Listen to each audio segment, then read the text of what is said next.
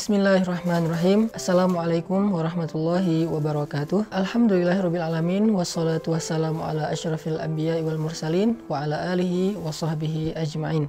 Teman-teman sekalian, marilah kita renungkan satu ayat Allah subhanahu wa ta'ala Yang ada di dalam surat Ar-Rum ayat 39 A'udhu billahi minasyaitonirrajim. Bismillahirrahmanirrahim وما آتيتم من ربا ليربو في أموال الناس ليربو في أموال الناس فلا يربو عند الله وما آتيتم من زكاة تريدون وجه الله فأولئك هم المضعفون dan harta yang kalian berikan dalam bentuk riba agar kalian bisa melipat gandakan harta itu di sisi manusia maka harta itu sama sekali tidak berlipat ganda di sisi Allah. Sedangkan harta yang kalian berikan dalam bentuk zakat atau infak, di mana kalian mengharapkan ridho Allah Subhanahu wa Ta'ala, maka mereka itulah orang-orang yang mendapatkan balasan berlipat ganda, atau mereka itulah orang-orang yang hartanya dilipat gandakan. Sadaqallahul azim. Teman-teman sekalian, di dalam ayat ini Allah Subhanahu wa taala menjanjikan kepada kita yang senang melipat gandakan harta lewat investasi, lewat cara-cara yang riba, lewat transaksi-transaksi yang mungkin tidak halal di dalam syariah, maka Allah menawarkan satu transaksi, satu sistem yang bisa melipat gandakan harta kita lebih dahsyat daripada sistem riba. Apa itu? Zakat, infak, sodakoh, wakaf di sisi Allah Subhanahu wa taala. Sehingga kita jadi teringat kepada kisah Utsman bin Affan.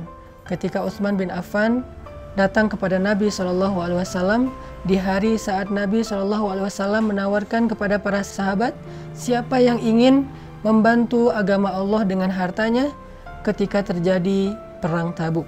Maka tiba-tiba Utsman datang dan membawa seribu dinar di dalam uh, pangkuannya.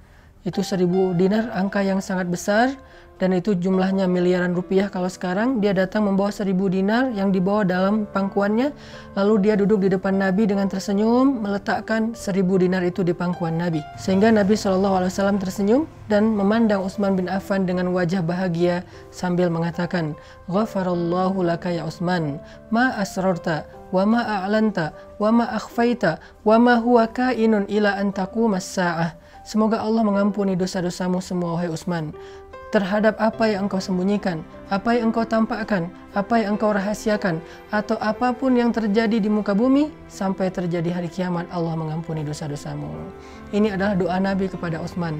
Ternyata ketika Utsman memberi seribu dinar, Allah Subhanahu wa taala membalasnya dengan ampunan dosa seumur hidup seumur dunia sampai terjadi hari kiamat. Semua dosanya yang tampak dan yang tersembunyi, yang dirahasiakan atau yang dinyatakan, ini menunjukkan bahwa tidak akan rugi orang yang berinfak di jalan Allah Subhanahu wa taala.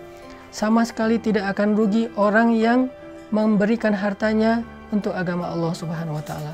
Inilah motivasi kita dalam membela agama Allah dan dalam menegakkan syariat Allah.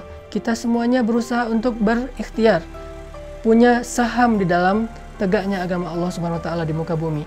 Ada yang memberikan tenaganya, ada yang memberikan pikirannya, ada yang memberikan hartanya, ada yang memberikan ilmu dan hikmahnya. Semua yang kita berikan nanti akan Allah balas dengan berlipat ganda. Maka proyek membangun pesantren pemuda yang saya tawarkan kepada teman-teman semuanya yang berawal dari sebuah masjid. Karena kita tidak menawarkan area lain kita hanya menawarkan wakaf masjid dan beberapa tempat untuk belajar. Karena kalau area yang lain yang ada pasarnya ada uh, tempat kegiatan-kegiatan anak mudanya itu bentuknya adalah ruang publik dan kita akan membuka investasi bukan wakaf.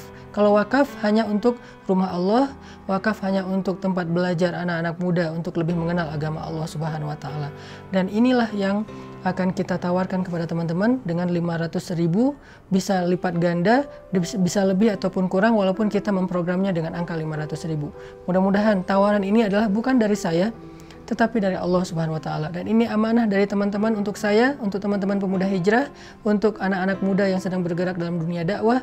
Semoga kita akan insya Allah komitmen dengan amanah ini membangun masjid, membangun tempat belajar anak muda, menjadikan itu sebagai amal solih, tempat kegiatan uh, positif, tempat ibadah, tempat belajar, tempat zikir, tempat itikaf, dan pastinya ini tempat merangkul semua anak muda menjadi pusat peradaban anak muda. Dan dalam ayat yang lain di surat Sof, Allah Subhanahu wa taala berfirman tentang sebuah akad dakwah. Kata Allah, "Ya ayyuhalladzina amanu kunu ansarullah." Wahai orang-orang yang beriman, jadilah kalian penolong agama Allah. Bagaimana cara kita menjadi penolong agama Allah? Maka diberikan contoh oleh Allah di dalam ayat itu. Kama qala Isa bin Maryam lil hawariyin man ansari ilallah? Seperti ketika Isa bertanya kepada hawariyin siapa yang akan menolong saya di sisi Allah atau di jalan Allah? Lalu hawariyun menjawab nahnu ansarullah kami adalah penolong-penolong agama Allah. Sehingga dengan uh, akad ini orang-orang hawariyun menjadi penolong Nabi Isa alaihissalam dalam menegakkan agama Allah inilah akad dakwah ketika seorang ulama bertanya kepada umat, bertanya kepada orang kaya, bertanya kepada orang-orang yang punya potensi, "Man ansari ilallah?" Siapa di antara kalian yang ingin menolong saya di jalan Allah? Maka jawaban kita sebagai murid, jawaban kita sebagai umat, jawaban kita sebagai orang-orang yang Allah amanahi harta, pikiran, ide, gagasan, potensi, kreativitas, nahnu ansarullah kamilah yang akan menolong engkau di jalan Allah Subhanahu wa taala. Saya bertanya kepada teman-teman karena saya seorang dai, saya belajar agama di Kairo, saya ingin membuat sebuah gerakan dakwah anak muda, man ansari ilallah. Siapa di antara teman-teman yang mau menolong saya untuk menegakkan agama Allah Subhanahu wa taala? Maka saya tunggu teman-teman yang ingin berinfak saya mengajak teman-teman yang punya kreativitas sebagaimana pemuda hijrah selama hampir lima tahun ini. Alhamdulillah bisa memberikan beberapa karya-karya dakwah untuk anak muda itu tidak terlepas dari support teman-teman yang ada di balik layar, teman-teman yang ada di dalam komunitas pemuda hijrah. Ada videografer, fotografer, video editor, ada teman-teman kreatif, ada teman-teman yang di event. Ada banyak potensi yang mensupport dakwah ini sehingga akhirnya alhamdulillah dakwah ini bisa memberi manfaat untuk anak muda di seluruh Indonesia dan mudah-mudahan menjadi inspirasi di seluruh dunia. Yuk kita sama-sama berjuang di jalan Allah Subhanahu wa taala. Kalau kita mengidolakan Abdurrahman bin Auf, kalau kita mengidolakan Utsman bin Affan, maka coba kita buktikan bentuk pengidolaan kita dengan meniru kebaikan mereka walaupun mungkin belum persis tetapi kita sudah mencoba untuk meniru dan menyerupai mereka. Barakallahu fiikum.